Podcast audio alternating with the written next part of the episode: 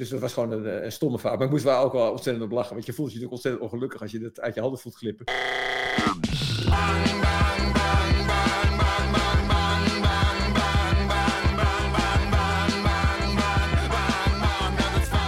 Welkom bij aflevering 14. Ik kwam onlangs Joep van Deutenkom tegen. Ik raakte met hem in een gesprek over falen op het podium. En dat was zo'n leuk gesprek dat ik Joep daardoor heb uitgenodigd als gast in deze podcast. Superleuk dat je hier tijd voor wil maken, Joep. Nou, ik heb, ik heb het redelijk uh, rustig. Hoewel sinds, uh, sinds wij die afspraak gemaakt hebben, heb ik het weer een stuk drukker. Oké. Okay. Maar, uh, nee, maar dat valt wel mee. Ja, kijk, ik, ik heb nu. Het, het, is net na de zomer, zijn we weer een beetje aan het opstarten. Ja. En dus ik zat eigenlijk te wachten op groen licht voor een tv-programma. Wie denk je wel dat je bent? Ja. Wat ik doe samen met Rob Urgert. En daar kwam maar geen groen licht. Alleen wij kunnen dan niet allerlei andere dingen gaan plannen. Want als er groen licht komt, dan zijn we gewoon eigenlijk een jaar onder de pannen. Nou, misschien herken je Joep's stem wel, maar wie is die Joep eigenlijk? Hier komt het. Joep van Deutenkom is tv-maker. Hij maakt een aantal wetenschappelijke programma's met een knipoog. Cabaretier. Hij speelde heel lang met de cabaretgroep Nur, niet uit het raam, met Vigo Waas en Peter Heerschop. En hij schrijft kinderboeken. Met deze oude rot in het vak praat ik over falen op het podium. Over de lol van nieuwe dingen durven doen en de lol van leren en de onmiskenbare rol van authenticiteit daarin. Want volgens Joep ben je met afstand het best als je helemaal jezelf bent. Deze wijsheid heeft Joep vooral opgedaan op het cabaretpodium. Met de net genoemde groep Niet uit het Raam. Een groep waar Joep super lang en super succesvol mee heeft opgetreden. 30 jaar lang heb ik, uh, heb ik uh, met Neur, met Peter Figo, hebben we alle theaters uh, getoerd. Met veel plezier. En na 30 jaar vond ik het ook wel mooi geweest. Ze zijn een paar jaar geleden op hun hoogtepunt gestopt. Dat was ook echt ons beste programma. Dat was het meest persoonlijke programma. Toen dacht ik daarna ook, nou, weet je, hier, wat moeten we nu nog? Hier komen we niet meer overheen. We kunnen best wel een goed programma maken, maar beter dan dit wordt het niet.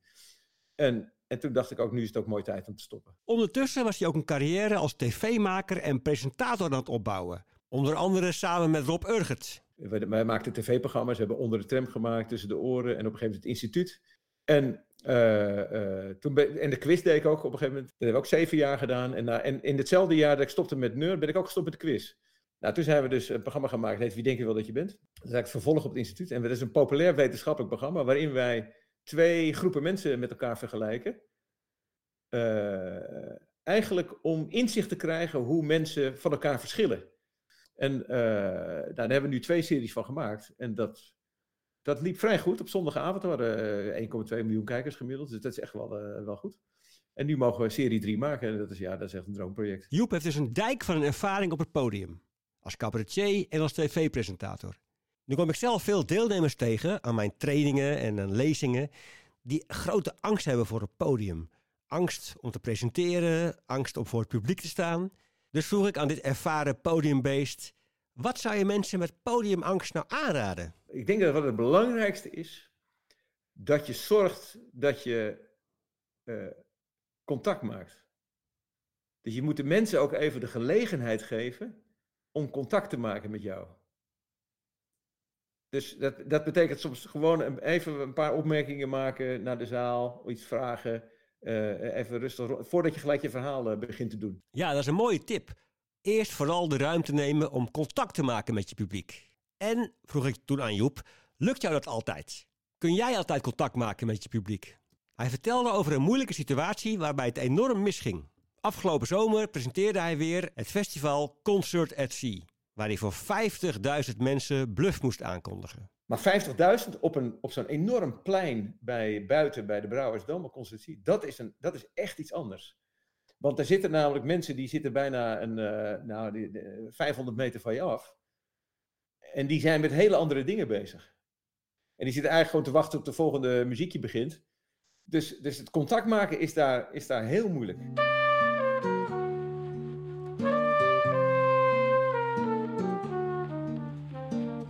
En toen kwam daarna uh, als allerlaatste bluff. En daar had ik iets op voorbereid. Dat had ik al thuis voorbereid eigenlijk. En, en dat mislukte totaal. ik, had, ik had bedacht dat die mensen die komen voor bluff. Dus dat zijn enorme bluff-fans. Dus die zingen, die zingen ook alles mee. Dus ik had bedacht van nou, uh, ja, Constantie is natuurlijk twee jaar niet doorgegaan. Dus we zijn eh, ja, na drie jaar weer terug. Ik ben eigenlijk wel benieuwd of jullie die teksten nog wel kennen. Dus eh, ik, ik begin een willekeurige zin uit een, uit een nummer van Bluff. En, eh, en dan stop ik en dan moeten jullie dat afmaken. En dat is op zich best aardig bedacht. En ik dacht, dat kunnen ze allemaal. Waar ik helemaal niet geen rekening mee gehouden was, had, was dat het veel te moeilijk was. Dus ik dacht, nou, dat weten ze gewoon allemaal. Maar dat was niet zo. Het, het was gewoon veel. Ik had, ik had het gewoon veel te moeilijk gedaan. En, uh, en daar had ik geen antwoord op op dat moment. Ik had natuurlijk moeten zeggen: Oh, verrek, wacht, mijn fout, het is veel te moeilijk. En weet je, ik had het. Maar ik, ik ging nog even kijken op mijn brief, want ik had het op mijn briefje aan voor, uh, voorbeelden. Dus ik ging nog kijken, wat is nog de makkelijkste, weet je wel. En, en ook de makkelijkste, die, die, die lukte eigenlijk niet. En toen, en toen, in plaats van. Ik raakte dus in paniek op dat moment. En wat je moet doen in een geval dat iets misgaat, moet je altijd benoemen dat het misgaat. Want dan snappen de mensen, oh, hij had iets. Ik had gewoon moeten stoppen en zeggen, oh jongens, ik had bedacht dat, dit, dat jullie dit zouden kunnen. Maar het is veel te moeilijk. Wat stom van me.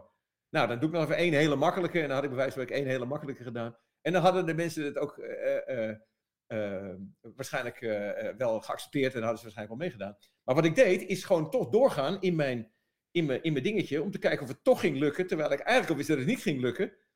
En dan voel je ook gelijk de paniek en de, en de spanning, hebben ze, dat, dat voelt het publiek gewoon. En dan, en dan zijn zij sowieso al met iets anders bezig dan gewoon eh, eh, wat ik van ze vraag. En uh, dus, dus kijk, een van, een van de allerbelangrijkste dingen is, die als je op het podium staat, is dat je moet actualiseren. Dus je moet zorgen dat je in het hier en nu bent. Je kan wel iets voorbereiden, maar je moet ook in het hier en nu zijn. Dus je moet reageren op wat er op dat moment gebeurt. Want dat ziet het publiek namelijk ook. Die maakt het allemaal mee. Op het moment dat je dat ontkent, ben je het contact kwijt. Dus dat was gewoon een, een stomme fout. Maar ik moest wel ook wel ontzettend op lachen. Want je voelt je natuurlijk ontzettend ongelukkig als je dat uit je handen voelt glippen. En het maakt verder niet uit, want ik ga heel snel het podium af. Dan komt bluff en iedereen is dit vergeten. Maar uh, zelf voel je je natuurlijk even die spotlights uh, heel ongelukkig. En daar moest ik ook wel weer om lachen.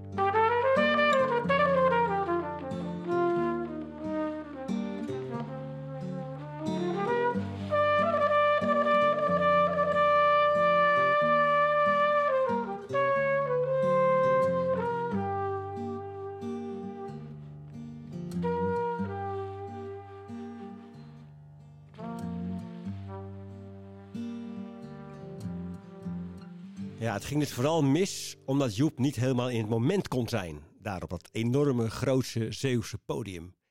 En hoe kwam dat nou? Waarom kon Joep niet in het moment zijn? Ja, dat, was, dat is toch een kwestie van. Uh, dat ik daar. Dat ik, uiteindelijk is dat, is dat de afstraffing van niet helemaal jezelf zijn. Denk ik. Als ik, als ik nu. Uh, als ik ergens dagvoorzitter ben in mijn eentje. of ik sta in mijn eentje uh, op zo'n event, een congres een programma te doen en ik maak een fout, ik, ik ben de laatste die daarmee zit. Snap je? Dat, ik maak een fout en ik zeg, oh jongens, ik doe het fout. En uh, nou, een beetje stom. En dan ga ik weer verder. Dus, dus, dus dan heb ik altijd, want ik ben daar namelijk mezelf. En, uh, en op het moment, en, en hier was ik dus niet mezelf. Ik stond daar een rolletje te doen. Van, van, uh, van presentator op een, op een, op een, op een pop-event. En dat ben ik gewoon niet. Want ik heb, ik heb uiteindelijk te weinig met, met die met die hele uh, situatie. Dus niet, dat is niet wat ik, ik ben iemand die wil altijd iets van inhoud brengen. En, en, en dit is per definitie eigenlijk niet inhoud. Dus, dus dat, dat klopt gewoon niet. Dus, dus 50.000 man prikte in één keer door me heen. Zonder dat ze dat wisten natuurlijk, maar dat is wel wat er gebeurt, ja. Ja, dan loop je af en dan, dan voel je echt, godverdomme, weet je wel. Dan, schaam ik me gewoon. Ik denk, oh man, wat stom, weet je. Want op dat moment, weet je, drie minuten later wist ik precies wat ik fout gedaan had.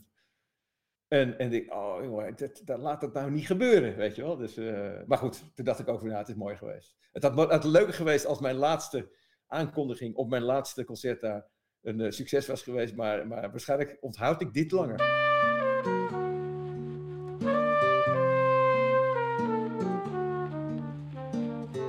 Zo zie je maar, hoe ervaren je ook bent, je kunt nog steeds heel goed geraakt worden door iets wat misgaat. Maar is Joep daarin niet te streng voor zichzelf? Dus kijk, het is natuurlijk, het is natuurlijk voor mij in mijn hoofd veel groter dan uh, voor iedereen die daar in de zaal uh, of in de, op het plein staat. Dus voor hen is het gewoon een, een, een, een dingetje, wat, dat is weer weg, want daarna is het weer leuk. En, uh, Dus het is vooral voor jezelf vervelend. Ik, ben er wel, eh, ik, leg er altijd wel hoog voor mezelf. Dus ik ben wel kritisch voor mezelf. Ja. Ik denk dat het te maken heeft met dat ik. Uh, uiteindelijk heb ik niet zo heel veel uh, van nature talent voor wat ik doe. En dat geldt eigenlijk voor alles wat ik gedaan heb. Voor mijn gevoel. Het is niet, komt me niet aanwaaien. En dat betekent dat ik moet er mijn best voor doen om het goed te krijgen. Dus, dus, eh, en dat doe ik ook. En dan, en dan kom ik best wel een eind. Want ik heb uiteindelijk veel verschillende dingen gedaan. En, en uiteindelijk best wel succes gehad. En dat heeft er vooral mee te maken dat ik, dat ik daar heel erg mijn best voor moet doen. Ik zie ook wel eens mensen om me heen die dat met zoveel gemak doen. Dan denk ik, jeetje man. Dat, uh, en misschien vergis je je erin, hè? dat kan natuurlijk ook. Maar, uh, en omdat ik dan, dus, dus dan, omdat je er veel voor moet doen om, om het goed te krijgen, leg je automatisch een soort lat neer. Van, nou, het moet wel, uh, moet wel goed zijn, want anders, anders val ik door de mand of zo. Weet je wel? Dat, dat je, eigenlijk is dat denk ik het belangrijkste. Je bang bent dat je door de mand valt.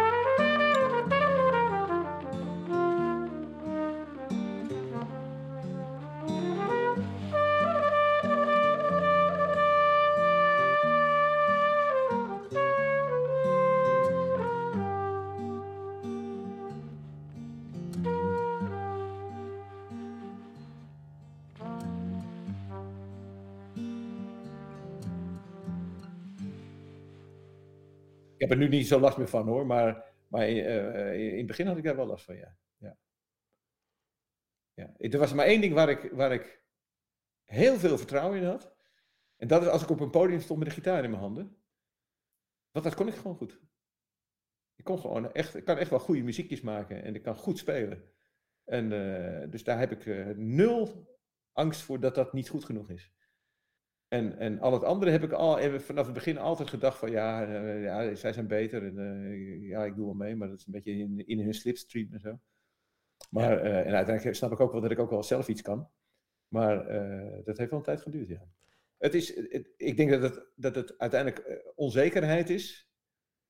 En het zou ook nog valse bescheidenheid kunnen zijn, maar ik denk dat het richting, meer richting onzekerheid is geweest, altijd, dan en ik dit, maar dat is ook een, dat is ook een motor. Snap je? Dus, dus de onzekerheid betekent ook dat je, dat je zorgt dat je je heel goed voorbereidt, waardoor het gewoon beter wordt. Dus ja, het, is, het, het, het, heeft mij denk ik ook wel gebracht tot waar ik nu ben. Ik vind het mooi gezegd. De motor van onzekerheid, die je helpt om vooruit te komen. Joep en ik hebben deze motor nog even wat verder uit elkaar gehaald om er dieper in te kunnen kijken. En die motor van onzekerheid is dus onder andere opgebouwd uit goed voor willen bereiden, en ook uit het verlangen om te leren en beter te worden. Een mooi voorbeeld is hoe Joep jeugdboekenschrijver is geworden. Ik heb een aantal jeugdboeken geschreven ook over voetbal. En ja, daar ben ik ook maar gewoon aan begonnen. En uh, ja, daar heb ik ook, uh, dat was wel grappig, dat ik, ik begon als, ik had het jeugdboek, het eerste jeugdboek had ik eigenlijk voor mijn kinderen zelf geschreven. Zij waren ook eigenlijk min of meer de, karakters in het boek.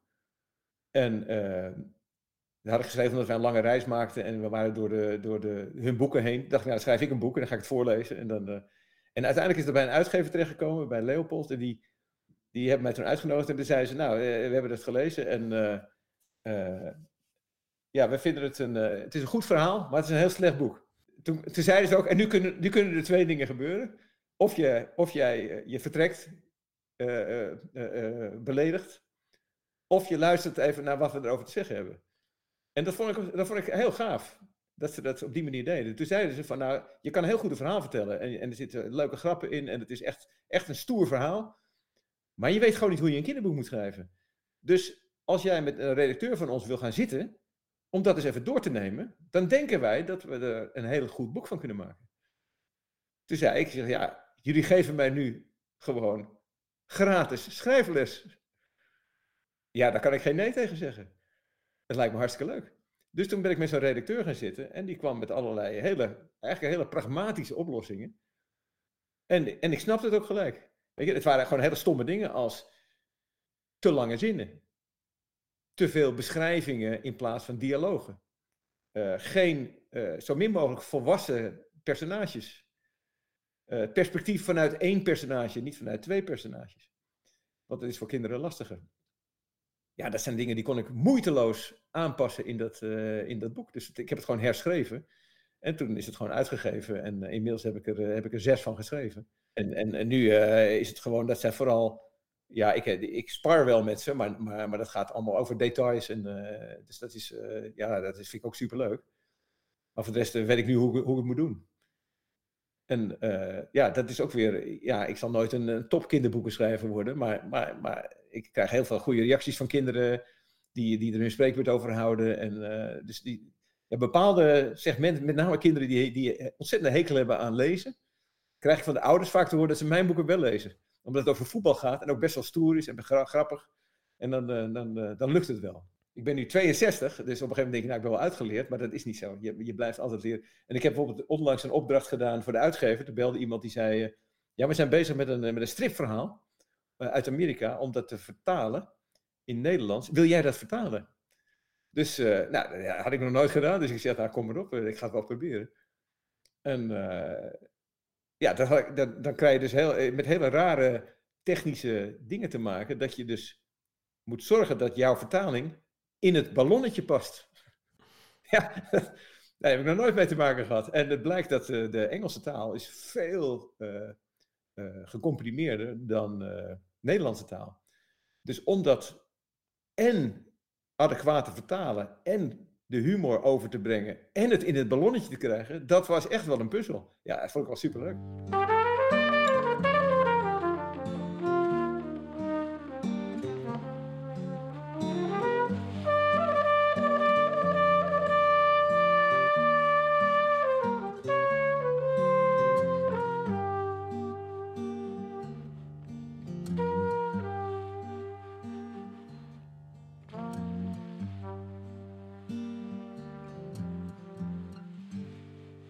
Een van, de, de fijnste dingen natuurlijk, ook om op het podium te doen, is jezelf relativeren. En jezelf niet zo serieus nemen en je eigen fouten, vanuit je eigen fouten kunnen, kunnen, uh, kunnen laten zien. En dat geldt natuurlijk ook in het privéleven. Ja, op het moment dat jij uh, je, je eigen fouten, je eigen onvolkomenheden omarmt, heb je er zelf minder last van en je haalt alle wapens uit andere mensen hun handen.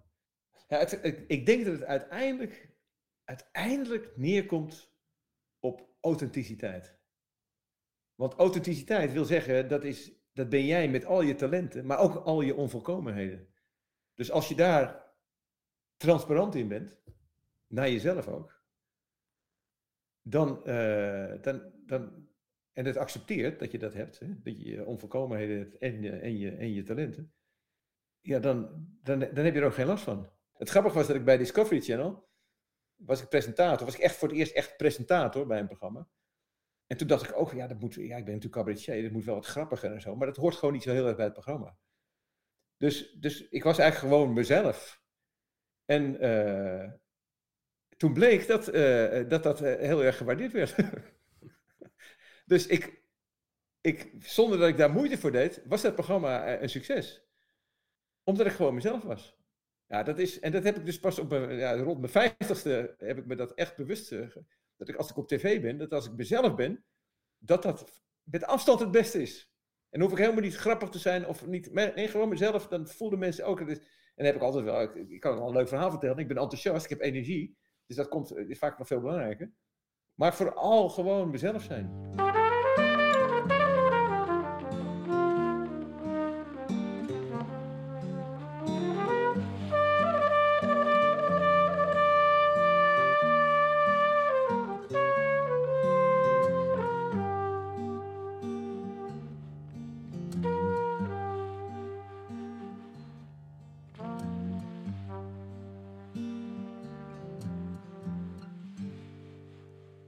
Kijk, als je, als je een beroep hebt waarbij je altijd het gevoel hebt dat je niet jezelf kan zijn, dat kan zijn dat het beroep niet dat het juiste beroep voor jou is.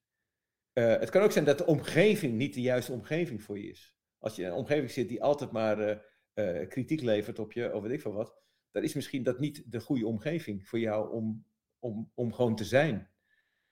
Kijk, ik, als ik nu met Discovery, ik heb met een cameraploeg gewerkt, afgelopen periode. En we hadden een etentje ook. En toen had ik ook een soort, even een klein nawoordje ook heb ik, Toen heb ik ze ook gezegd. Ik zeg, ik vind jullie verschrikkelijk goed in je werk, dat je, dat je het goed voorbereidt. En, en eh, ik kom in een gespreid bed en het wordt goed gemonteerd. En ik zeg, maar het allerbelangrijkste is, ik voel me thuis bij jullie. Dus dat betekent, omdat ik me thuis voel bij jullie, kan ik mezelf zijn. En als ik mezelf ben, dan ben ik op mijn best. Ik zeg, dat is verreweg de belangrijkste kwaliteit die jullie hebben. Dat jullie zorgen, en, blijkbaar zijn het ook de persoonlijkheden die dat, die dat met zich meebrengen.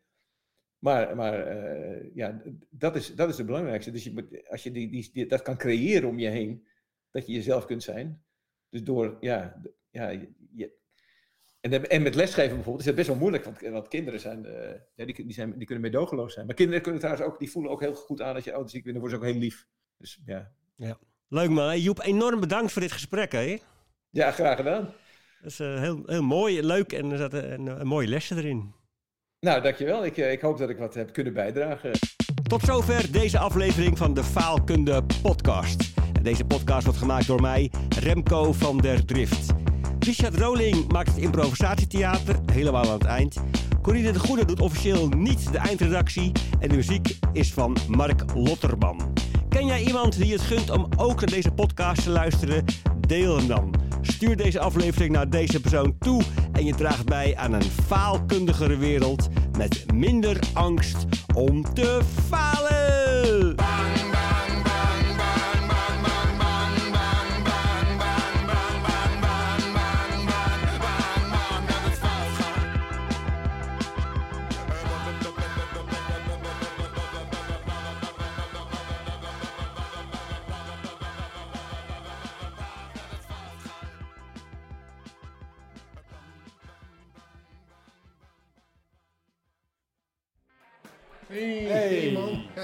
Ja, tof hè? Ja, Bluff. Blijft echt wel de beste band. Ja. Inderdaad. Alleen die openingsact. Presentator? Ja. Ja, dat snap ik ook niet zo. Hoe heet die gast toch alweer? Ja, Joep. Joep. Van, van die column. Van de quiz. Van de quiz. die grappen man. Ja. Ja? Ja, denk dat, neem aan dat het grappig bedoeld was. Ja? ja. Denk je dat? Ik heb er het toch? Ja, normaal gesproken wel, ja. Ja, hij maakte steeds grapjes. En dan, maakte, dan zei hij iets en dan maakte hij het niet af. Nee, ja, en dan dus keek hij ons zo'n beetje aan. Nee. Ja, misschien was het wel experiment of zo van een nieuwe programma. Oh, dat zou kunnen. Ja, dat denk ik ja. Om te kijken of bluff-fans wel slim oh, zijn. Dat, weet ik niet, maar we zijn wel allemaal hier. Ja, je hier bent. Weet dat je hier bent. Ja, mooie teksten, man. Ik ken ze echt allemaal.